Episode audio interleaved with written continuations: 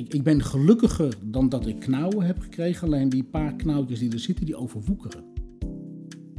Voor Juri bestaat er geen mooier werk dan bij de politie in Amsterdam. Tot een aangrijpende ervaring op zijn werk er zo diep inhakt dat hij langzaam maar zeker ziek wordt. Juri heeft PTSS. Door open te zijn over wat hem is overkomen, kan Juri omgaan met de herinneringen die hij bij zich draagt.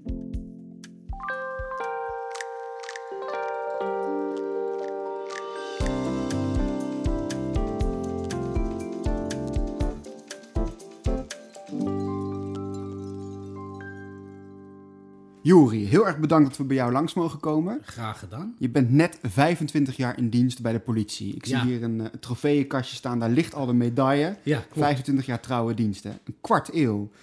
Als je teruggaat naar, eh, naar jouw beginjaren, eh, waarom wilde jij bij de politie? Ik wilde heel graag bij de politie vanwege de, de spanning en sensatie. Ik denk dat dat in het begin als kleine jongen een beetje de, de drijfveer is. Ehm, en daarna, als je wat ouder wordt, dan gaat het ook over, hè, dan ga je erin verdiepen. Als het mensen helpen, eh, een boef aanhouden, hè, want daar heb je het dan nog steeds over. Dat is zeg maar echt de, de, de dingen waarvoor ik heel graag naar de politie wilde. Dus je wilde echt het jongens, eh, je wilde echt een jongensdroom eh, Ja. beleven. Absoluut, absoluut. En dat heb je allemaal, hè, als, als, als kind zijn heb je allemaal dromen. Meisjes willen heel graag prinses worden en En jongens willen bij de brandweer, weer de leger brandweer, of de politie, politie. piloot eh, of politie. Ja, Heb je dan ook een sterk rechtvaardigheidsgevoel? Eh, dat zou wel zo moeten zijn. Ik denk, ik denk het ook wel hoor. Ja. Dat je heel erg over rechtvaardigheid. Dat dat ook wel een van de dingen is waarom je uiteindelijk eh, richting de politie gaat. We gaan het zo uitgebreid hebben over jouw politiecarrière, maar ook, ja, je bent er helaas niet helemaal ongeschonden uitgekomen. Nee, jammer genoeg niet. PTSS, gaan we het zo over hebben. Ik ben toch eerst benieuwd wat jij naast je werk leuk vindt om te doen. Oh, naast mijn werk. Ik vind het eh, heerlijk om met mijn honden eh, bezig te zijn. Ik heb twee honden. Je zit hier in de kennel, Die hè? zitten, Twee. in, eh, die zitten nu even vast met z'n tweetjes. Jack en Joe. Ja. Ehm, mijn zoon voetbalt. Dat vind ik echt altijd een uitje. Ik, het, is ook jammer dat het heel lang stilgelegen heeft. Maar het gaat toch heel langzaam nog wel een paar wedstrijden. Dus dat vind ik echt wel lekker om gewoon te kijken of te vlaggen of te fluiten. Eh, fietsen is ook echt wel een dingetje wat ik lekker vind. Eh, je hoofd leegmaken. En ik ben ook wel heel vaak met mijn fototoestel eh, te vinden op allerlei locaties om foto's te maken. Dat zijn echt wel de dingen die ik leuk vind om te doen. Dus als agent sta je ook nog als scheidsrechter op het veld af en toe. Ja, af en toe wel. Ja. Het heeft wel raakvlakken. Ja, en hoe, echt dan? Nou ja, het gaat natuurlijk ook over een soort een, een, rechtvaardigheidsgevoel. Hè? Dat je eerlijk moet fluiten en dat soort dingen allemaal. Dat is echt wel over rechtvaardigheidsgevoel. Eh, optreden als er een vechtpartijtje ontstaat. Is het optreden op het veld anders dan tijdens mijn werk? Ja, dat kan ik me voorstellen. Absoluut. Ja. Ik zei het al, hij heeft 25 jaar in dienst, ook altijd in de Amsterdamse binnenstad. Ja. Je bent begonnen in de jaren 90. Er zijn net die, die ruige jaren 80 achter de rug. Hè. Ik moet denken aan de, de Warmoestraat, de hashoorlogen rondom Klaas Bruinsma, die Ja. dan net achter de rug zijn. Hoe was dat om als, eh, ja, toch als, als beginneling in die Amsterdamse, eh, op, over die Amsterdamse straten te lopen? Nou, ik ben terechtgekomen vroeger, of toen ik klaar was, in 1997 was ik klaar. 96 de opleiding gaan doen, 97 klaar. En toen werd ik geplaatst aan het bureau Nieuwezijds Voorburgwal. Eh, dat is het huidige bureau Burgwallen, alleen zitten ze nu in een ander pand. En daar hadden we de keus als we naar buiten gingen, eh, eh, naar rechts gaan. Dan gingen we naar de Albert Heijn op de, op de Nieuwe Zuid-Voorburgwal. En dan hadden we een, hadden we een pillen- en probleem, handel in, in pillen en alcoholisten. En als we naar links gingen, gingen we naar het Centraal Station. En daar hadden we last van de verkoop van verdovende middelen. Cocaïne, heroïne, dat soort dingen allemaal. En ehm, dat ging er eh, soms behoorlijk hard aan toe. Het was echt qua optreden, zat, zaten we ook echt nog in de nasleep van de eh, eh, jaren tachtig. Van de, de, de, omslag in, de, in het optreden van de politie. Met meer bevoegdheden en mensen wegsturen uit de wijk. En voor, voor een x, eh, eh, voor, voor een x termijn. Dus dat, dat vormt je wel zo'n begin. Je, je, je, ehm, je, je, je gaat daarin mee. Het, de, de, de hardheid van optreden. er werd vroeger ook wel gezegd dat er in de binnenstad van Amsterdam harder opgetreden werd dan in Amstelveen. Wat ook gewoon bij de regio Amsterdam-Amsterdam. En is dat ook zo? Kwam je ook echt terecht op een plek waar er gewoon hard, hard werd opgetreden? Wij traden hard op, vroeger. Uh, wij liepen ook standaard met een lange wapenstok. Dat is nu niet meer, dat mag niet meer. Maar in de binnenstad van Amsterdam was het een uitzonderingsgebied. En voor mij ook nog een stuk in de Bijlmer, uh, waar dat ook toen was. Uh, maar wij liepen met de, met de lange wapenstok. En we liepen er niet alleen mee, we gebruikten hem ook. waar nodig. Dat is een heel ander beeld als dat je nu hebt, hoe, hoe er nu opgetreden wordt. En hoe vormt jou dat dan? Als je dus op een werkplek, als je je op een werkplek begeeft waar natuurlijk constant die, die, die, ja, die hardheid moet plaatsvinden? Um, je, je rolt daarin uh, en je, je, je ziet dat gebeuren en je gaat daar voor een deel ga je in mee. En uh, ik zal niet zeggen dat daar, uh, laat ik het anders, er gebeuren nog steeds dingen die niet kunnen. Laat ik dat even vooropstellen. dat gebeurde toen, dat gebeurt nu ook nog steeds bij de politie. Uh, en daar wordt ook intern tegen opgetreden. Nou, dat gebeurde toen ook wel. Um, het voor, nou ja, je gaat daarin mee. Hè? Kennelijk uh, uh, is dat hoe daar opgetreden wordt, hoe daar gewerkt wordt.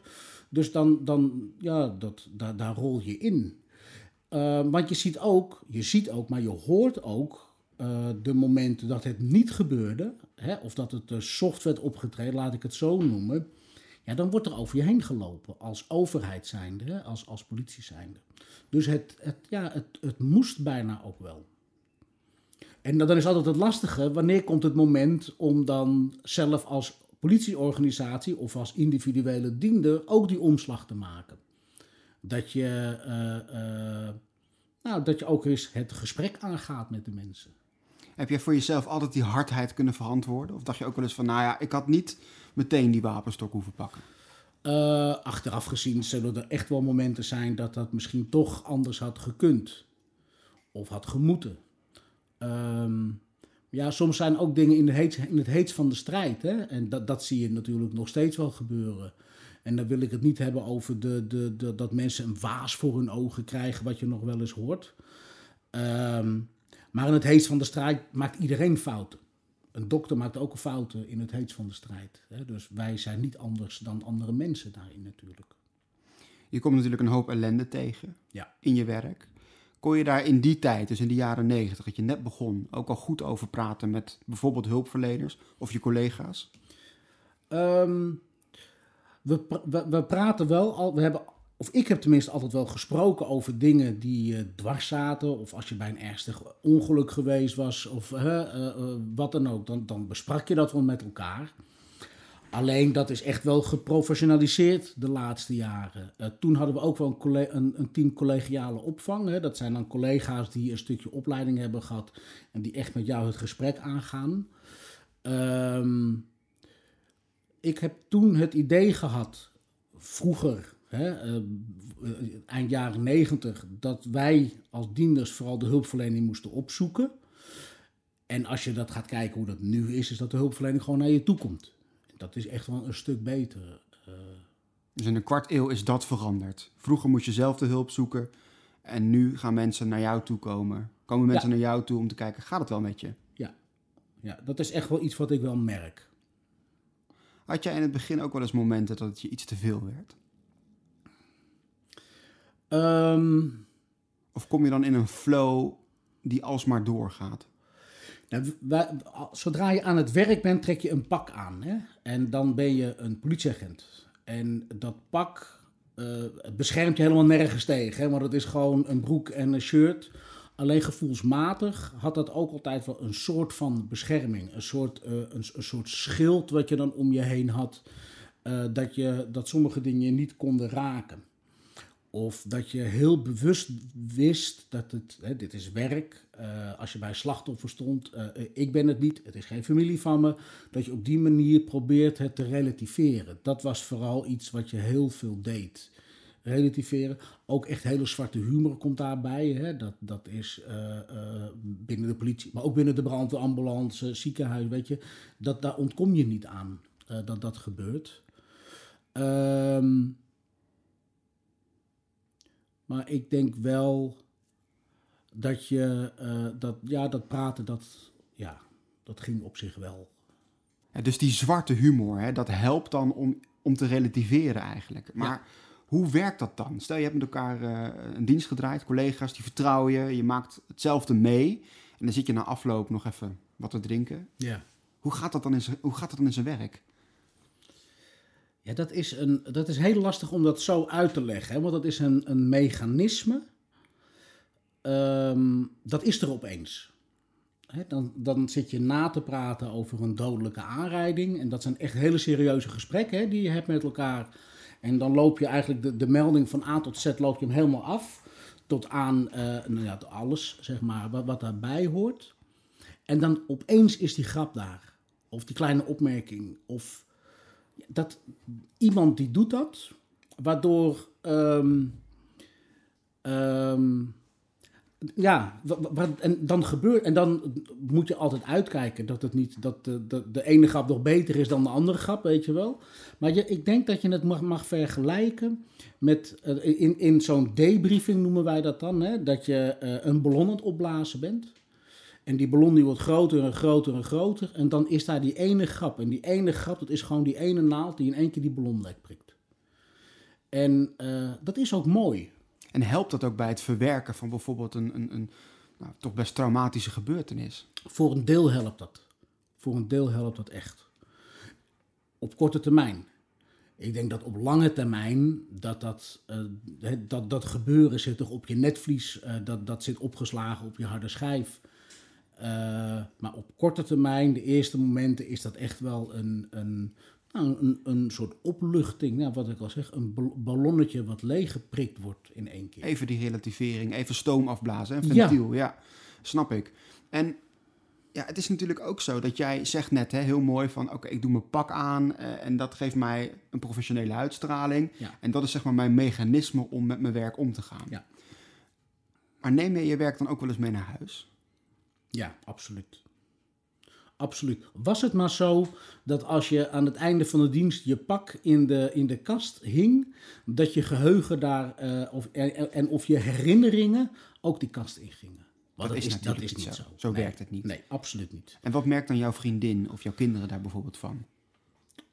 Ehm, nou, als ik, al- als ik een dag heb gehad waarbij je echt wel ingrijpende dingen hebt meegemaakt, dan, eh, dan heb je het daarover met elkaar. En, en en, en met mijn ex-vrouw heb ik het daar dan wel heel vaak over gehad. En dan probeer je ook uit te leggen wat er dan, eh, wat er dan gebeurd is. En ehm, eh, ik weet ook wel dat je gaat zoeken op internet.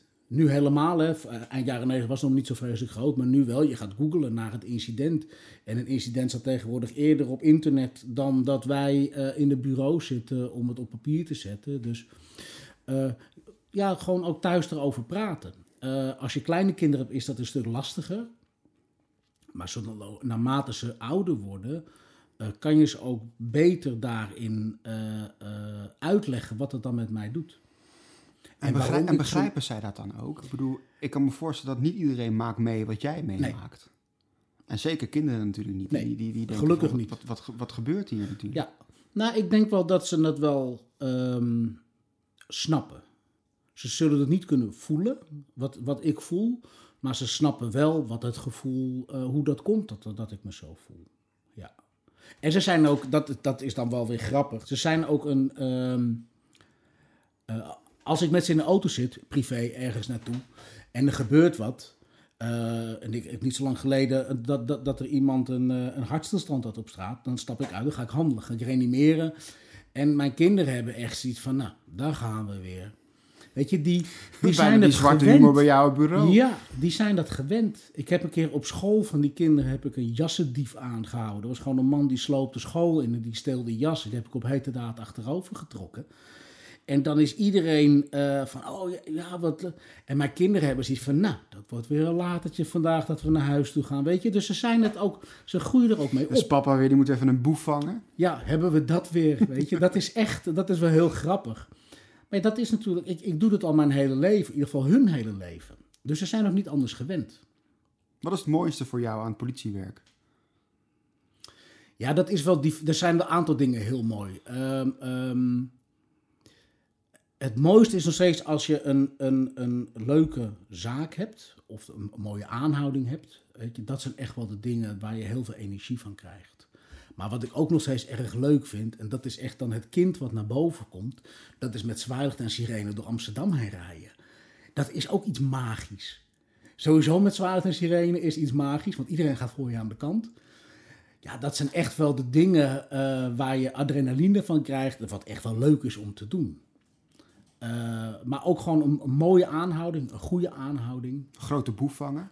Grote boef vangen. Of dat je denkt dat het een boefje is, maar dat het toch een hele grote blijkt te zijn. Weet je, dat zijn altijd wel de hele grappige dingen. Uh, ik, ik had het er laatst over. Jaren geleden hadden we een overvaller op hete daad aangehouden. Uh, die was in een winkel, lag nog te vechten. Nou, uiteindelijk hebben we hem aangehouden. En dan meteen doorgeven van de meldkamer van uh, wie hem heeft aangehouden. Weet je wel, ik roepnummer. En dat staat dan in het scherm. We hebben allemaal zo'n zo'n soort boordcomputer. Ja, daar maken we dan een foto van, van dat scherm. Is dat belangrijk wie uiteindelijk die handboeien omdoet? Nou ja, dat is vooral bij de, bij de wat vervelender aanhouding is dat. Hè? Als je, nou, dan moeten we weer tikken. Dan is het degene wie zijn handboeien eromheen zit, die mag tikken. Maar bij dit soort aanhoudingen is het echt gewoon één groot feest als je zo iemand hebt. En dan maakt het ook niet meer uit. Maar dan moet je wel een foto hebben van uh, dat de 1310, toen mijn roepnummer, die heeft de aanhouding. En die ga je ook overal delen natuurlijk. Dat is lachen. Ja, dat is gewoon grappig. Ja, ja, ja. ja, Dus dat is echt, ja, oké. dus daar krijg je echt die energie van, van het politiewerk. Die adrenaline en het... het, het, het Absoluut. Ja. Maar tegelijkertijd... De keerzijde. De keerzijde. Absoluut. Ik bedoel, dat, je komt ook een hoop ellende tegen. Ja. Echt heel veel, eh, veel leed. En wanneer was dan dat moment voor jou dat je voor, het eerste keer, voor de eerste keer eigenlijk dacht van... Oeh, dat wordt me iets te veel. De eerste keer is geweest, uh, de datum weet ik niet meer precies, maar ik weet wel, in 2004 zijn er twee treinen op elkaar gereden aan de oostzijde van het Centraal Station, waar nu de bibliotheek staat. Waarbij de, uh, de ene trein letterlijk bovenop de andere trein stond. Uh, en uh, ik ben toen met een collega die trein ingegaan die er bovenop stond. En hebben we bovenin gestaan en dat bewoog allemaal. Uh, dat was achteraf gezien best wel tricky wat we daar deden. En dat is toch op mijn harde schijf, want zo noem ik nog steeds mijn, mijn brein daarin, niet helemaal goed opgeslagen. Waardoor ik dus nachtmerries kreeg dat ik in vallende treinen zat. Uh, en ja, dat, dat was echt wel heel vervelend. Dat heeft echt wel een, een, een aantal weken heeft dat aangehouden. Uh, in het begin een beetje onverklaarbaar. Totdat ik door een andere collega, die ik dan toevallig daarover sprak, uh, uh, van joh, ik heb daar wel last van, eh, die zette mij weer aan tafel met die jongen waarmee ik als eerste in die treinen liep. En hij had hetzelfde. En waar zou dat dan aan liggen? Dat je juist die trein want zijn er, zijn er dodelijke slachtoffers gevallen daar? Nee, wel veel gewonden. Uh, geen dodelijke slachtoffers. Wat jij bedenkt, ik bedoel, dat is de trein nog een aantal jaren later bij het Westerpark. Daar is toch wel één, één dodelijk slachtoffer gevallen uit mijn hoofd.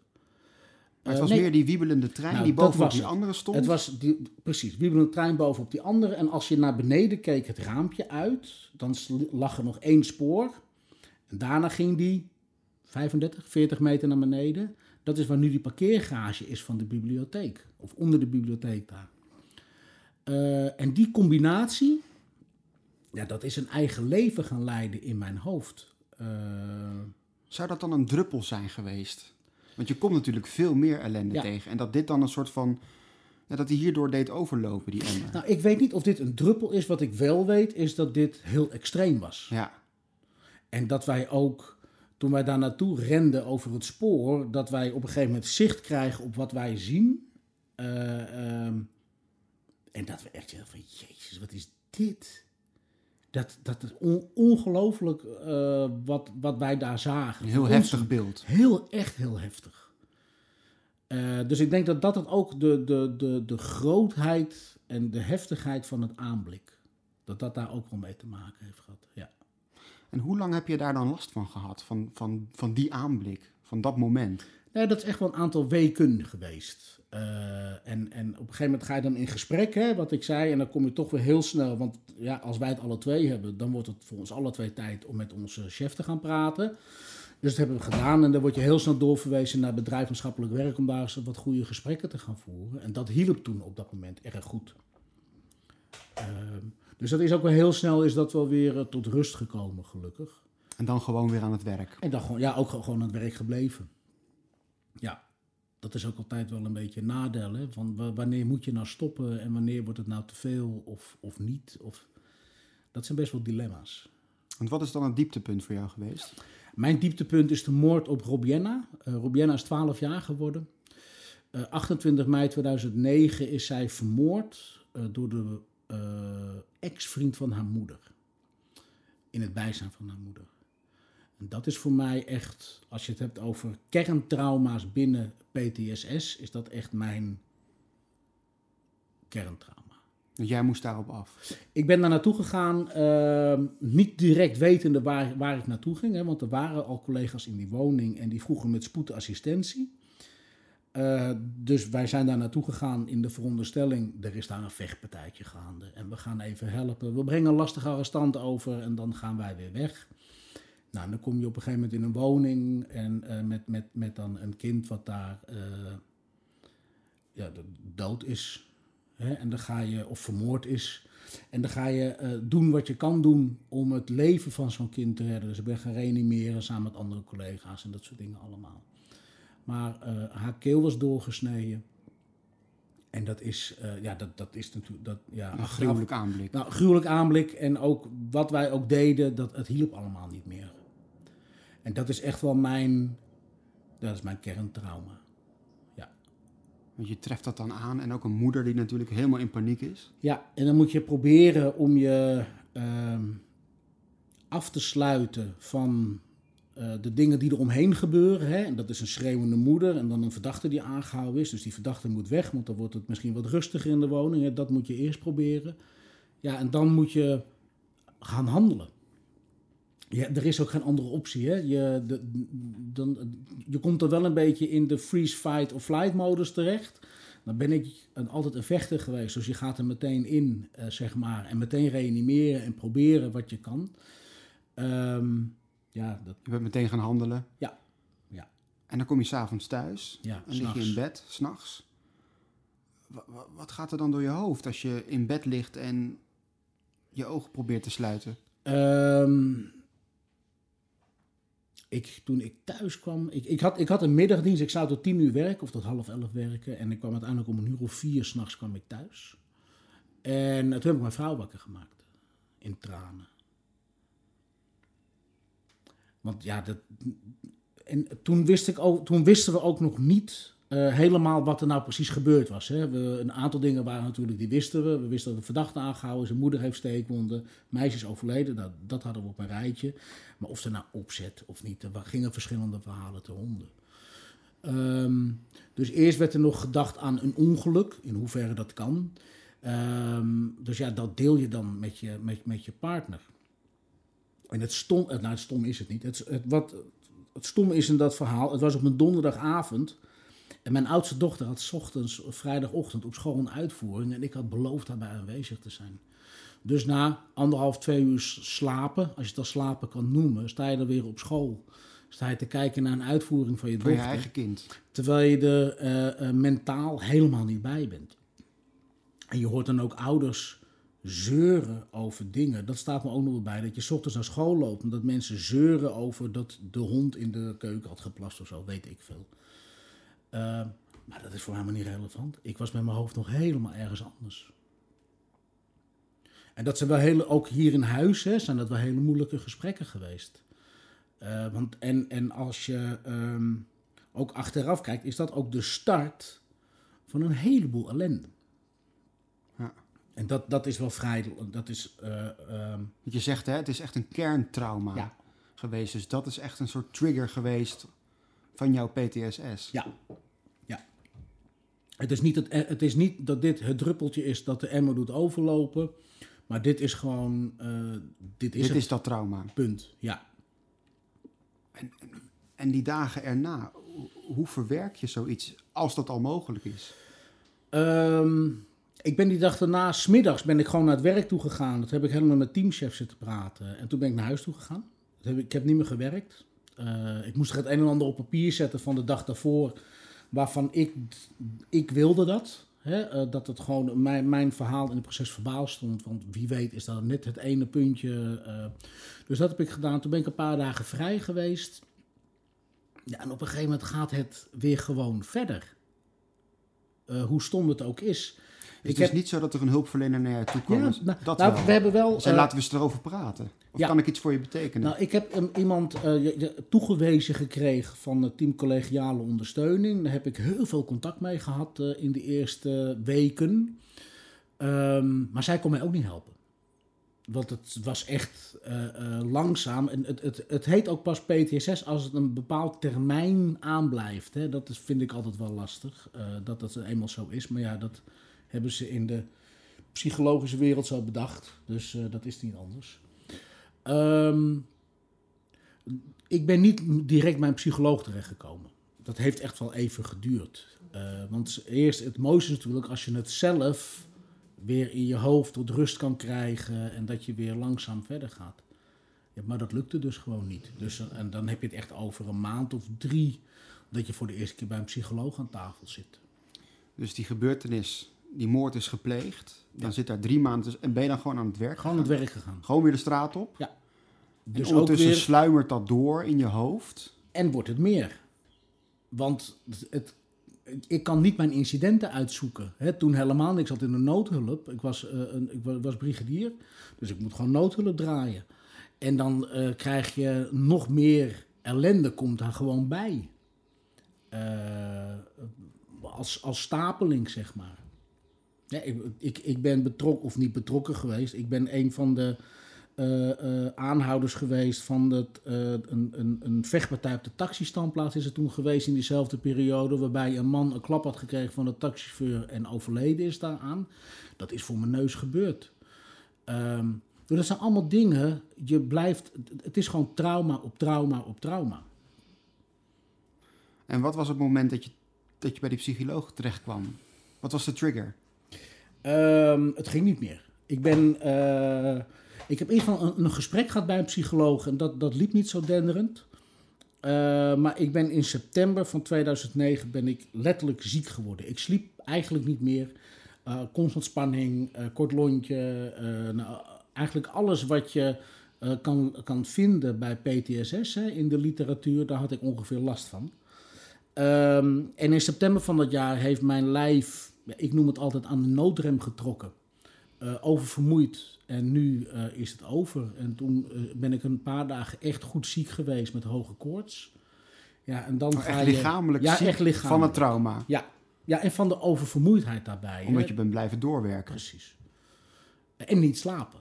En als je een week niet slaapt, of als je een nacht niet slaapt, dan voel je je brak. Als je twee nachten niet slaapt, dan voel je je verrot. Maar als je maanden bijna niet slaapt, dan is dat echt, heel, echt zo'n dodelijk vermoeiend. Dus ja, dat was voor mij het moment om eh, te zeggen, nu is het over. En hoe komt dan die diagnose tot stand? Wanneer kreeg je dan te horen van PTSS? Het is natuurlijk maar een labeltje. Ja. Maar wanneer kreeg je dat te horen? Um, ik heb dat in het AMC gehoord destijds. Zat uh, dokter Gersons, dat, is echt maar, dat was destijds de PTSS-goeroe van, van Nederland, uh, zal ik zeggen. En uh, daar, heb je, daar, daar krijg je allemaal testen. En uh, ja, uit, aan, aan, de uitslag uh, hangt dan het label PTSS als je da, aan een x aantal punten voldoet.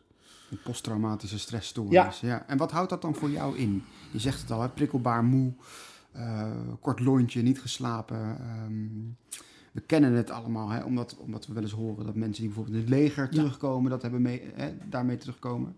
Wat hield het voor jou in? Um, nou, wat je net al schetst, hè, dus gewoon uh, slecht slapen, uh, herbelevingen op de meest vervelende momenten uh, van, de, van de dag. Wat is een herbeleving? Een herbeleving is echt dat je het gevoel hebt terug te zijn, voor mij dan in die woning aan de Nova Sembla straat, waar, waar Robienna vermoord is, dat je daar opeens weer staat. In gevoel en gedachten. Dus midden op de dag. Midden op de dag als je, ben je daar weer helemaal terug. Ja.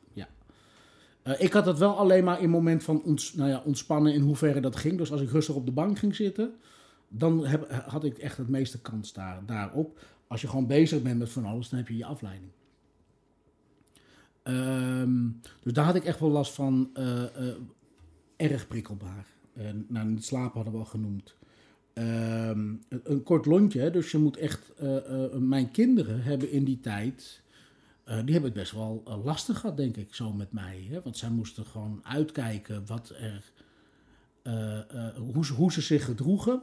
En het was vooral eh, kijken eerst hoe, hoe, staat zijn, hoe, hoe staat zijn pet vandaag. Echt op hun tenen lopen bij ja, jou. af en toe wel. Ja. Eh, en ik kon al boos worden. En nu kan, je daar, kan ik daar gewoon over praten. Maar als er dan een schoen eh, eh, eh, niet goed stond, of toevallig in de woonkamer lag in plaats van in de gang, ja, dan kon, het, kon ik af en toe zo boos worden. En niet fysiek, hè, gelukkig. Dat hoor je ook nog wel dat dat gebeurt, maar dat, dat, dat niet. Maar wel gewoon echt zo vreselijk boos eh, dat dat soort dingen dan gebeuren. Was er dan niemand uit jouw familie eh, of van je collega's die zeiden van... eh, nou Juri, volgens mij gaat het niet helemaal lekker. Nou ja, mijn vrouw natuurlijk wel. Hè? Die, die, die zag al lang dat het niet goed ging. Eh, want die hoorde mij ook wel spoken s'nachts. Dus die wist wel dat ik s'nachts uit bed was en dat ik eh, van alles deed behalve slapen. Ehm, maar de politie heeft geen contact met eh, het thuisfront. Is iets wat ik nu echt wel probeer, zelf probeer te veranderen. Hè. Zorg ook dat je contact hebt met het thuisfront. Niet als iemand zijn been gebroken heeft, hè, want dat, dat, dat, gaat de gips omheen en zes weken sta je weer op het werk als het goed is. Maar met psychische problemen eh, moet je ook thuis vragen hoe het gaat. En als ze dat hadden gedaan, dan hadden ze ook gehoord dat ik een deur eh, eh, kapot had gemaakt en dat ik een, met een stoel had gegooid of zo. Dat had zij dan kunnen vertellen. Dat zijn allemaal dingen die jij zelf verborgen hield ik als je op het werk vertellen kwam. op het werk. Nee. Je hield wel de schijn op van, nou, met mij Ja. gaat het goed. Ja, heel lang heb ik dat gedaan. Ja. Tot het moment dan in september dat dat gewoon niet meer gaat. En dan, dat je dan, dan is het is niet meteen klaar, hè? Want dan, ga, dan begint het echt het hele traject van behandelingen. Maar dan, nou ja, als je het hebt over, de, hè, waar, waar we het in het begin over hadden, over het ballonnetje wat je lek prikt. Dat is eigenlijk ook een soort lek prikken. Want het is, als het eruit is, dan is het eruit. En dan kan je erover praten en dan is het geen geheim meer. En nou, dat, dat voelde echt wel als een soort opluchting. Welke behandelingen heb je dan eh, gekregen? Want bij PTSS hoort natuurlijk ook allerlei behandelingen. Hè? Je hebt bijvoorbeeld EMDR, dat is traumaverwerking, geloof Ja. ik. Hè? Eh, in hoeverre heeft jou dat allemaal geholpen?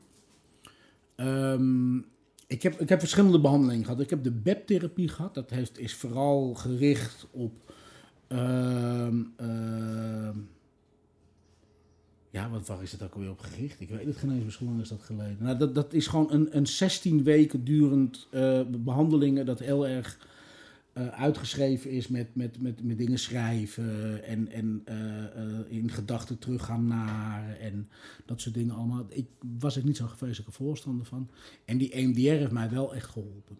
Eh, het, het terughalen van het beeld waar je last van hebt. En dan met de beweging. Ik deed dan met, met beweging hè, voor, voor je ogen. Op die manier proberen het tot rust te laten komen. Afzwakken, hè, die emoties. Ja. Precies. En dat, je kan het met bewegen doen, je kan het met geluiden doen, met tik op knieën. Je kan het allerlei manieren hebben ze ervoor. Maar het heeft te maken met het activeren van de twee hersenhelften en die eh, connecties laten maken. Nou, dat is een heel technisch verhaal. eh. Het zal nooit helemaal weggaan, Nee, PTSS. Hoe, hoe is het nu voor je? Wat zijn nu dan eh, triggers voor, voor jou bijvoorbeeld, waarin je het weer moeilijk hebt? nou, ik ben tot 2019 blijven, gewoon blijven werken buiten. Ook nog op Eh, straat? Ook op straat, als, ook als officier van dienst eh, gewoon gewerkt. Kon dat? Of laat ik het anders vragen. Was het verstandig om te doen? Nee, ik denk niet dat het verstandig was, maar het kon wel. Dat zijn twee dingen die, die staan haaks op elkaar natuurlijk. Eh, ik heb geen dingen gedaan die niet konden. Of geen domme dingen gedaan of wat dan ook. En als officier van dienst is het ook altijd de truc om niet het incident in te stappen, maar altijd buiten te blijven, hele view houden. Dus op dat, dat, dat ging prima. Ik had alleen wel last als je bij eh, eh, geweldsincidenten kwam met, met, met dood en verderf, hè, laat ik het maar zo noemen. Dat waren toch niet mijn favoriete meldingen. Daar probeerde ik altijd wel vandaan te blijven. Dus dat voelde je wel aan? Van, ja, ah, dat wist ik donders goed. Ja, dat wist ik, maar dat wist... Kijk, ik, heb... ehm, een zijstapje daarin. Ik heb in 2018 heb ik een boekje uitgegeven van diender tot patiënt. Ehm, dus ik ben toen eigenlijk echt wel eh, eh, naar buiten getreden van jongens, dit is, mijn, eh, dit, dit, dit is mij overkomen. Hè. Dit zijn de incidenten die ik heb gehad. Dus het, is ook, al- het was ook algemeen bekend bij mijn collega's. En ik werd ook gewaarschuwd als ik ergens als officier van dienst naartoe moet. Van, nou, misschien is het niet handig als jij naar binnen gaat om te kijken. Uh, en ik deed zelf ook niet meer. wij als uh, uh, mensen, en misschien wel dienders in het bijzonder, maar als mensen zijn heel erg nieuwsgierig. Dat zie je als er een ongeluk is gebeurd op de snelweg. Ontstaan er files. Er staan de files van de kijkers. Hè? Dat is nog ineens aan de kant waar het ongeluk is. Want iedereen wil het zien. Uh, dat hebben wij ook als dienders. Uh, dus als er iemand zichzelf van het leven heeft beroofd, dan gaan wij het liefst allemaal kijken hoe dat er dan uitziet. Terwijl het helemaal geen meerwaarde heeft. Het, het beschadigt jezelf alleen maar.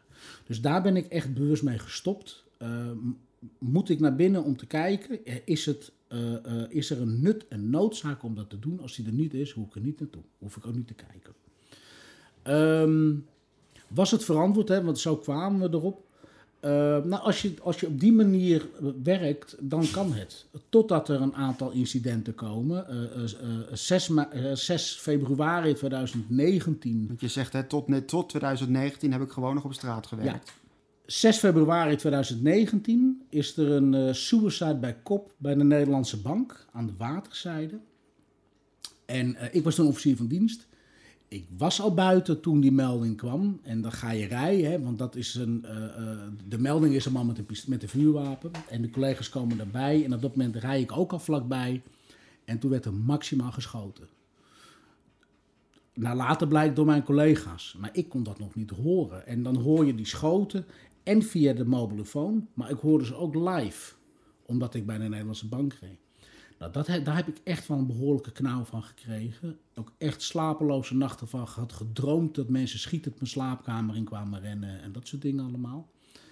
En uh, uh, eind mei, 31 mei 2019, ben ik nog uitgeslagen in de, in de Leidse straat. En dat is eigenlijk voor mij het moment geweest om uh, de, de virtuele handdoek in de virtuele ring te gooien. Hoewel hij niet helemaal de grond heeft geraakt, zeg ik altijd. Want ik ben nog steeds, ik werk nog steeds bij de politie. Maar ik werk niet meer op straat. Ik ga niet meer in de frontlinies. En ik mis het vreselijk, want ik vind het echt nog steeds prachtig werk. Maar het is gewoon niet meer verantwoord. Heb jij nooit getwijfeld, want je noemt twee hele heftige incidenten die vlak achter elkaar zijn gebeurd. Ja. Hè? Dus iemand die zich liet doodschieten door agenten, Ja. als een soort zelfmoord. En een eh, geweldsincident, dat je dacht van, wat ben ik nou eigenlijk aan het doen? Wat doe ik mezelf aan? Soms, soms heb je dat wel. Tuurlijk heb je dat wel eens. eh, dat je denkt van, eh, waar, waar zijn we nou mee bezig? Weet je, waarom doe ik dit? Voor, voor, voor wie doe ik het? Dat heb je, hebben we ook nog wel, hè? Voor wie doen we het nou? Ehm, maar als je dan gaat kijken wat het je aan plezier oplevert, het werk. En dat is heel raar, hè? Want het werk wat ik zo leuk vind, heeft me ook ziek gemaakt. Ehm, ja, dan, dan is dat, dat de, het plezier is nog wel meer aanwezig dan het eh, eh, eh, niet meer leuk vinden. Zeg Je maar. zegt- ja. Ja, je zegt inderdaad, ik, ik kan nu niet meer op straat werken. Nee. Dat is nu niet meer verantwoord. Hoe uit die PTSS zich dan nu, in deze tijd nog? Ehm, ik heb net weer behandelingen achter de rug, hè, want na, na 2019 ben ik weer in behandeling gegaan. En hoe het zich nu vooral uit is dat ik moet, ik moet wel uitkijken wat ik eh, aan, aan films kijk. Eh, een, een film kan, heel, eh, kan echt wel als een trigger werken. En, en een, een, een scène waar ik echt helemaal naar van word. Als je kijkt naar de Da Vinci Code.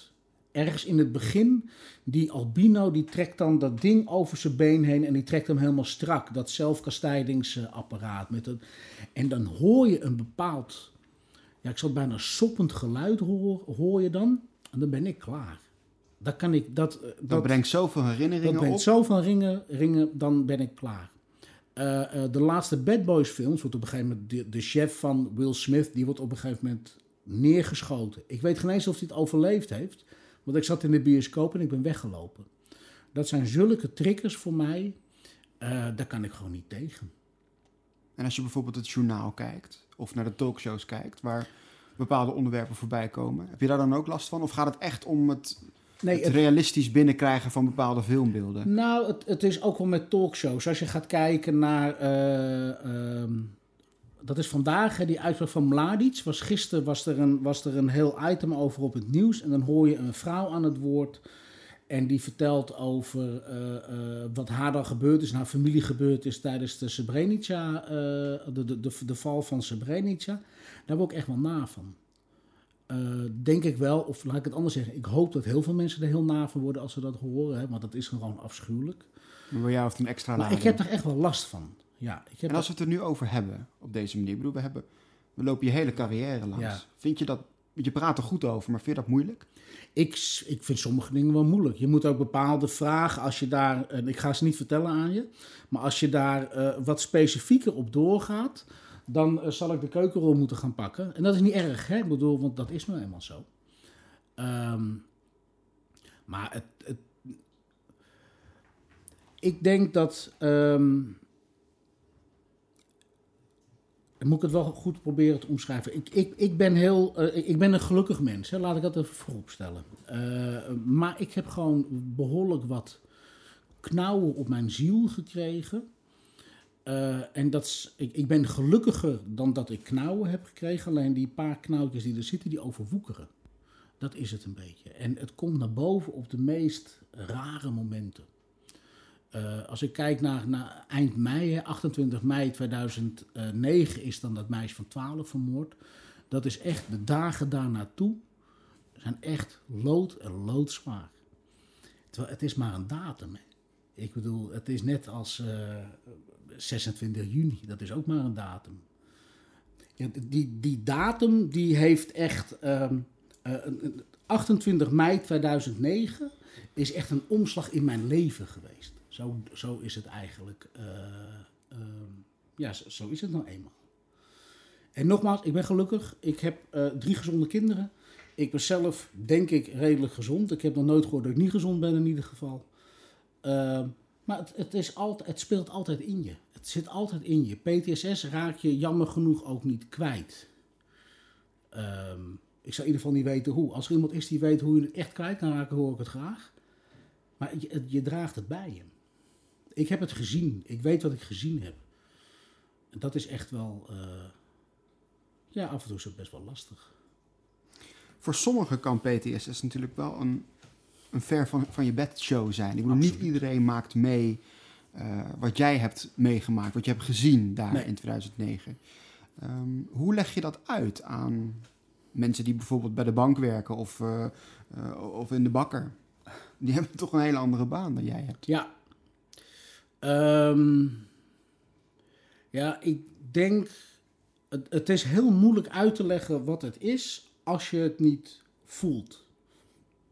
En mensen kunnen het wel snappen dat je je niet goed voelt. Hè? Die kunnen ook wel snappen dat je van bepaalde incidenten dat, dat je heel erg raakt.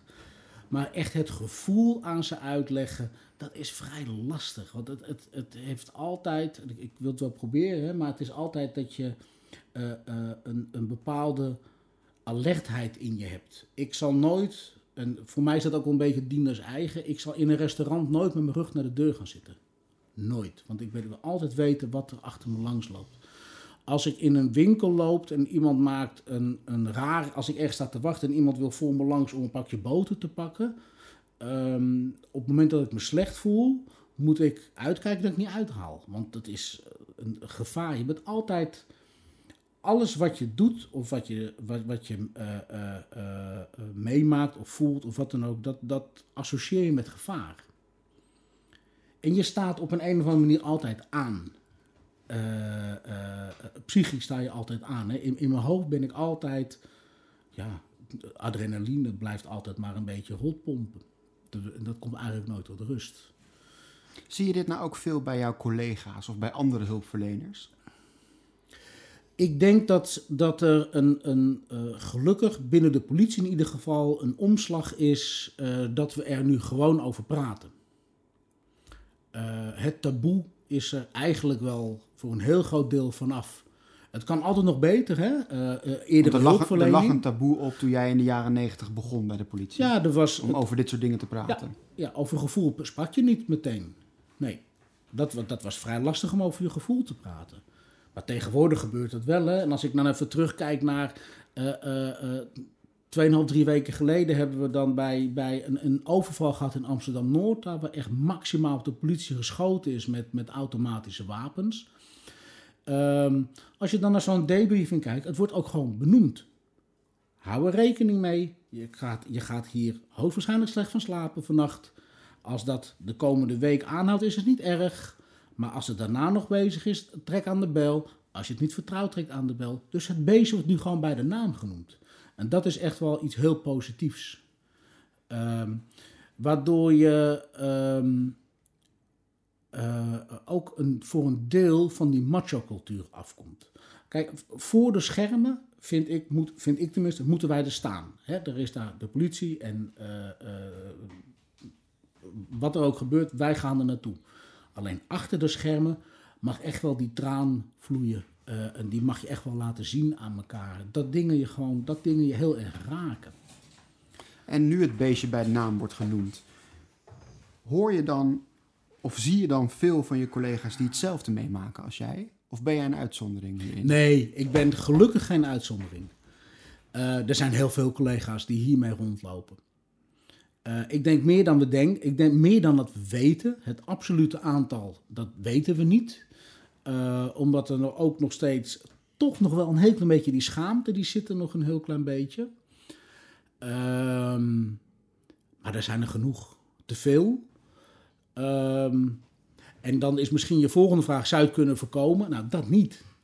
Want het werk wat wij doen, uh, dat, ja, PTSS, dat, dat, dat, dat kan je niet uitbannen daar, daarin. Hè? Je, je kan wel uh, door misschien eerder uh, mensen in therapie te laten gaan of wat dan ook, kan je het uitval aan het einde van de rit kan je misschien wel verminderen. Dat collega's uiteindelijk ontslagen worden of moet ontslag nemen. Maar echt voorkomen van PTSS is onmogelijk. Want de incidenten blijven natuurlijk. Precies. De incidenten blijven. En als je dan weer de afgelopen week even langs gaat, dan is er een jongen van 14 bij de Albert Heijn vermoord. Dan is er ergens een ongeluk geweest waarbij een, een, een kind van 7 of 8 om het leven is gekomen. Nou, ik kan genoeg van die incidenten opnoemen uh, waarbij uh, uh, PTSS op de loer ligt. Als je daar naartoe gaat, ben je een, ja, dan, dan, dan heb je een kans om dat op te lopen. En daar doe je niks aan. En stel je voor, iemand in je omgeving heeft PTSS, heeft iets traumatisch meegemaakt. Bijvoorbeeld uh, een vriend of een broer. Hoe kun je daar dan het beste mee omgaan, wat jou betreft? Um, wat, wat ik heel belangrijk, uh, wat ik denk heel belangrijk is, dat is een luisterend oor zijn. Een luisterend oor zonder te oordelen. Dat is altijd heel lastig, hè? Um, maar luister naar die persoon. Laat hem zijn verhaal doen. Um, zonder, daar, uh, nou, zonder daar meteen je oordeel aan te hangen. En als ik dat op mezelf betrek. Uh, heb je thuis een luisterend oor gehad? Ja, ik heb thuis wel echt een luisterend oor gehad. Van, van, mijn, van, van, van mijn vrouw sowieso. Um, en misschien dat ze het niet begreep. Dat zou zomaar kunnen, hè? maar ze luisterde wel. En uh, uh, kijk, mijn kinderen waren toen wat kleiner. Hè? Toen, ik, uh, toen ik de eerste keer thuis kwam te zitten, was mijn jongste was drie, drieënhalf. Dus die vond het alleen maar leuk dat papa thuis was. Terwijl het helemaal niet leuk was dat papa thuis was. Want papa was echt niet te genieten. De, helemaal de eerste periode niet. en wat ik toen ook wel heb gedaan, dat is actief, of niet ik, maar mijn psycholoog, ze actief betrekken bij bepaalde gesprekken. Uh, of dat mijn vrouw meeging naar de psycholoog. Hè. Mijn vrouw dan eerder dan mijn kinderen, want zij was dan een beetje de spreekbuis naar mijn kinderen toe. Die kinderen waren nog veel te jong? Ja, die was echt wel jong toen. Ja, ik weet ook niet, als, als ik het ze nu zou vragen, die jongste sowieso niet. Die, ik denk dat die helemaal niet meer zoveel weten van. Maar die oudste, die weet dat echt nog wel. En, en um, ja, als ik het daar nu met haar over heb, dan zegt ze ook wel dat ze het altijd moeilijk vond. Uh, uh, uh, we hebben voor mij al eerder genoemd op eieren lopen. Voorzichtig zijn met de dingen die je wil of wil vragen of die je wil doen. En heeft, hij eigen, heeft hij wel zin erin? hoe voelt hij zich vandaag? Um, maar echt het betrekken van de, van de familie bij een therapie, dat is ook echt wel iets wat, wat denk ik wel geholpen heeft. Waar mijn vrouw ook wel uh, uh, de, de tips en trucs heeft gekregen hoe ze dan met mij om moest gaan. En Tegenwoordig welke, is het nog beter geregeld. Welke hè? tips en trucs zijn dat dan? Nou, ik denk wel een beetje wat ik net aangaf. Hè? Echt dat, dat luisteren. Luisteren, laat hem maar gaan even. Ehm, eh, en, en niet dat ik dan de hele boel kan afbreken, hè? Eh, eh, maar, maar gewoon laat hem gaan. Maar probeer hem dan ook niet te triggeren met, met andere dingen. Dat is heel lastig als je kleine kinderen hebt. Want dan kan iedere zo bijna zeggen, iedere scheet die ze laten kan al een trigger zijn natuurlijk. Dat je denkt van, hey, hou even op daarmee, of doe dat even zo, of uh, die schoenen staan weer niet, uh, weet je, dat, dat soort dingetjes allemaal. Hebben je kinderen nu nog wel eens van, even kijken hoe de vlag erbij staat bij papa? Nee, want ze worden ouder. Dus die, die twee oudste, 18 en 20, die hebben dat helemaal niet meer zo erg. Uh, die jongste probeert het af en toe nog wel, maar die probeert het vooral voor eigen gewin af en toe. Dat hij denkt van, uh, hey, heb jij dat mooie t-shirt gezien? Ja, wat vind jij er nou? Dan, dat is een beetje proberen. Dat is niet meer echt zoeken naar hoe ik me dan voel. Uh, nee, wat ze leren daar ook van. En ik heb ook heel erg veel geleerd. Hè? En ik ben me ook heel erg van bewust dat zij een vrij lastige jeugd hebben gehad door mijn toedoen. en daar voel ik me ook best wel heel erg schuldig over. Want dat is toch iets wat, wat. Dat kwam bij mij vandaan. En ik kon er niks aan doen. Maar ik was wel de, degene in, het, in de familie die ziek was. Maar dat was af en toe wel lastig. Het helpt natuurlijk niet om daar ook nog een schuldgevoel bij te hebben. Nee. Heb je het wel eens geprobeerd goed te maken? Ja, ik weet niet.